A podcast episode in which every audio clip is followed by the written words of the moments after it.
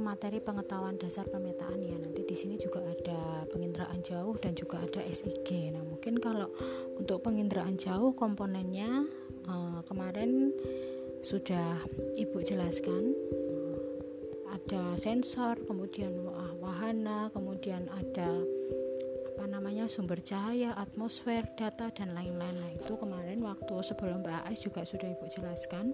Jadi mungkin yang ini perlu Ibu jelaskan lagi yaitu tentang komponen peta. Jadi di dalam suatu peta itu ada beberapa komponen. Yang pertama itu uh, ada judul peta. Jadi setiap peta yang ada itu harusnya memuat judul peta ini. Karena uh, ini memuat isi dari peta tersebut.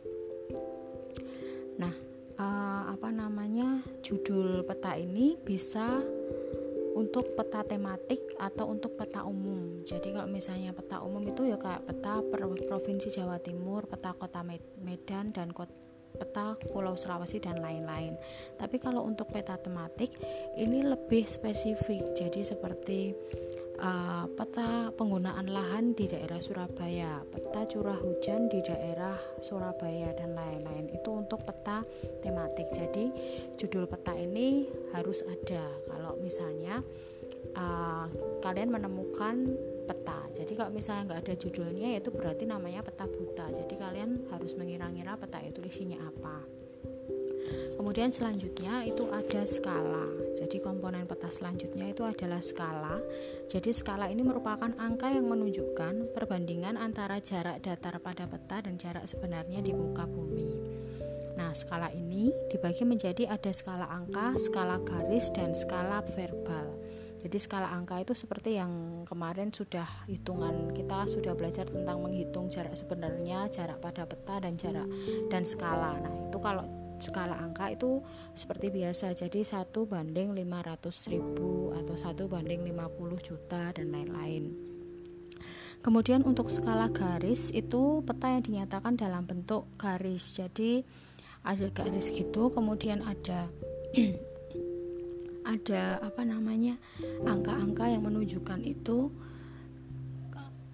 kilometer dan sentimeter. Nah itu Kemudian kalau skala verbal itu adalah skala dalam bentuk kalimat. Contohnya satu inci ke mil artinya satu inci berbanding satu mil dan lain-lain. Nah itu untuk mungkin jenis-jenis skala ya.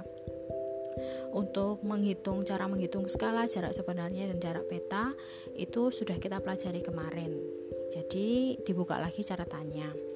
Kemudian komponen peta selanjutnya itu ada tanda orientasi. Nah, tanda orientasi ini atau arah mata angin biasanya berupa tanda panah yang menunjukkan arah utara. Nah, biasanya pada peta itu ditemukan ada orientasi ini atau yang menunjukkan arah dan biasanya arah utara itu selalu di atas. Nah, itu itu juga uh, salah satu komponen peta yang harus ada di dalam sebuah peta. Kemudian ada simbol dan warna peta. Nah, simbol ini yaitu suatu gambar atau tanda di peta yang mempunyai makna atau arti yang menggambarkan fenomena di permukaan bumi. Nah, simbol ini dibedakan menjadi uh, tiga biasanya. Jadi ada simbol titik, ada simbol garis, dan ada simbol area. Untuk simbol titik sendiri itu biasanya untuk menyajikan tempat atau data posisional seperti kota, gedung, pelabuhan, sekolah, candi, dan stasiun. Kalau untuk garis ini biasanya bisa jalan raya, kemudian sungai, kemudian batas administrasi, jalan kereta api, dan lain-lain. Kemudian kalau simbol area itu digunakan untuk menggambarkan unsur-unsur yang memiliki luas, jadi seperti hutan, rawa, atau tegalan. Nah, seperti itu. Itu untuk simbol peta. Nah, kalau warna itu uh, apa namanya uh, diperlukan juga. Jadi lebih buat untuk uh, misalnya lebih tahu kalau misalnya ada garis di situ. Nah biasanya garis administrasi batas administrasi itu di peta itu warnanya merah. Nah jadi warna yang ada di peta itu untuk menekankan apakah objek yang ada di peta tersebut. Kemudian ada lagi komponen peta itu adalah legenda. Lah legenda ini berisi tentang keterangan tentang simbol-simbol yang terdapat dalam peta. jadi uh, legenda ini biasanya kayak kotaan gitu di dalam peta. Lah simbolnya ini kemudian ada apa namanya garis titik-titik garis titik-titik. Nah itu batas apa? Nah itu kalian bisa tahunya itu di legenda tersebut. Kemudian ada apa namanya misalnya titik suatu titik. Kemudian ada simbol di situ ada tanda salib mungkin. Lah itu berarti di situ gereja. Kemudian kalau ada bangunan uh, itu bisa rumah atau bisa gedung pertemuan atau bisa sekolah. Nah untuk tahunya itu bisa dilihat pada legenda. Kemudian simbol uh, maaf komponen peta selanjutnya itu ada garis koordinat. Nah garis koordinat ini juga sangat diperlukan yaitu ada garis astronomis ya. Jadi garis yang menunjukkan koordinat lintang dan garis bujur. Nah ini biasanya kalau peta yang lengkap itu garis koordinatnya ada. Jadi kayak dibikin kotak-kotak itu di dalam petanya Kemudian komponen selanjutnya ada peta insert. Nah, peta insert ini adalah peta berukuran kecil yang disisipkan pada peta utama. Jadi misalnya uh, ada peta Yogyakarta. Nah, ada peta Yogyakarta, kemudian uh, dalam insertnya itu bisa seluruh peta Jawa. Kemudian di daerah di daerah apa namanya Yogyakartanya itu dikasih gambar, dikasih warna lain seperti warna merah. Jadi menunjukkan posisi Yogyakarta itu di dalam Pulau Jawa, di dalam peta insertnya itu posisinya di mana. Nah, itu insert peta. Kemudian selanjutnya ada lembaga pembuat peta. Nah, ini juga perlu. Jadi untuk mengetahui siapa atau lembaga yang membuat peta sehingga sumber peta menjadi jelas. Di sini juga perlu untuk lembaga pembuat peta dan yang terakhir adalah tahun pembuatan peta. Nah, di sini juga uh, perlu dalam komponen peta jadi biar tahu kalau misalnya peta itu dibuat pada tahun berapa. Nah, ini mungkin komponen-komponen peta yang uh, kelas 10 kemarin harusnya kalian sudah mempelajari. Nah ini cuman ibu sekedar mengingatkan saja. Kalau misalnya masih ada yang belum jelas bisa ditanyakan ya. Terima kasih.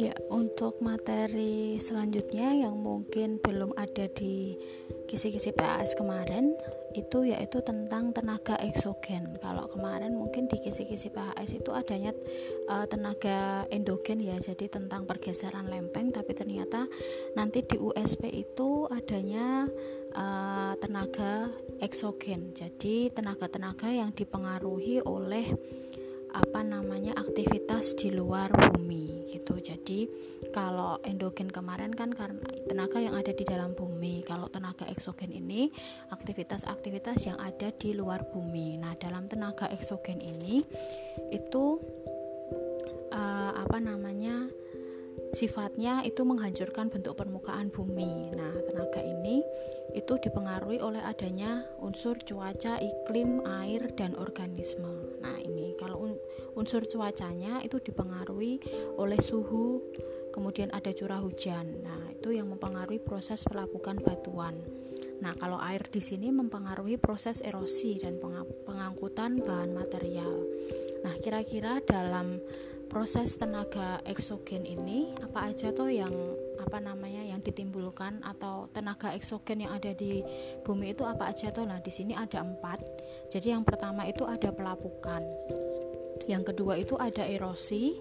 Yang ketiga ada mass wasting dan yang terakhir ada sedimentasi. Oke, kita bahas pertama ya. Jadi yang pertama itu ada uh, tenaga eksogen itu adalah pelapukan. Nah, pelapukan di sini digolongkan menjadi tiga.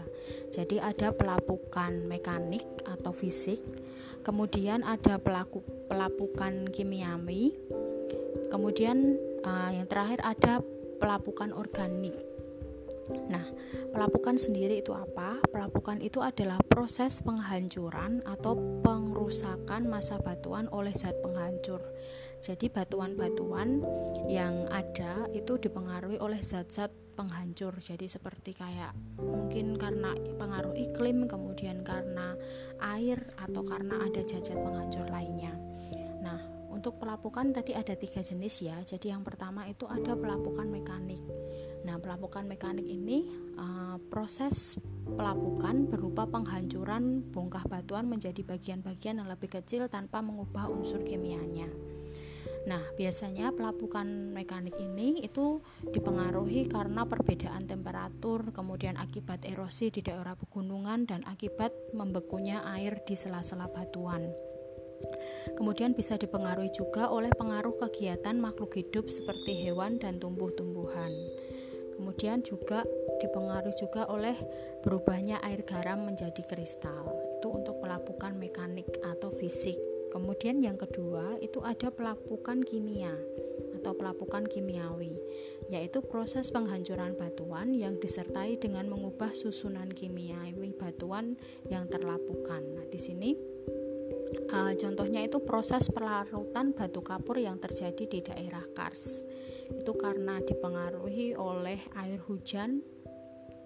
Nah, yang lain-lain lah. Ini untuk pelapukan kimia ini seperti pembentuknya stalaktit dan stalagmit itu yang ada di gua-gua. Nah, itu merupakan salah satu proses karena terjadi pelapukan kimiawi itu. Kemudian yang ketiga itu ada uh, pelapukan organik. Nah, pelapukan organik ini merupakan pelapukan batuan hasil pengerjaan makhluk hidup seperti tumbuh-tumbuhan, binatang, dan juga manusia.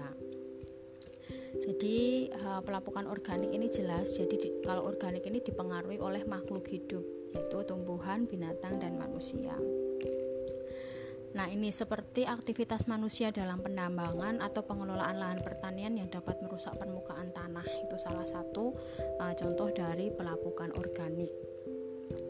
Kemudian kita lanjut ke Contoh tenaga eksogen yang kedua yaitu ada erosi. Nah, erosi di sini merupakan pengikisan batuan atau tanah oleh massa zat yang bergerak seperti sungai, angin, gelombang laut dan glester.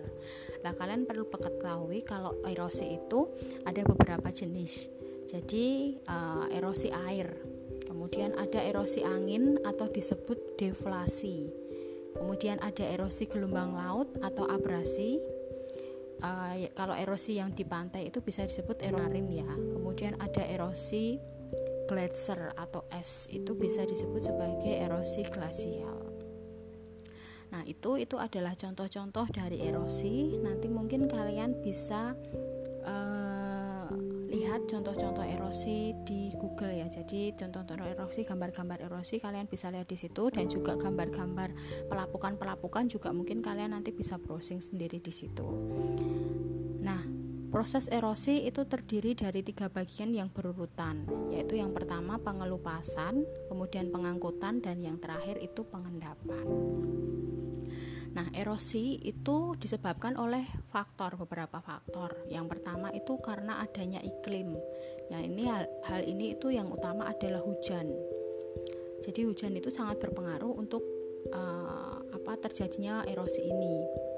Nah, kemudian yang kedua itu ada tanah berkaitan dengan sifat tanah yang menentukan mudah tidaknya tekstur tanahnya itu tererosi atau enggak. Kemudian ada topografi atau kemiringan dan panjang lereng. Kemudian ada vegetasi dan yang terakhir ada penggunaan lahan. Itu adalah faktor-faktor yang mempengaruhi erosi.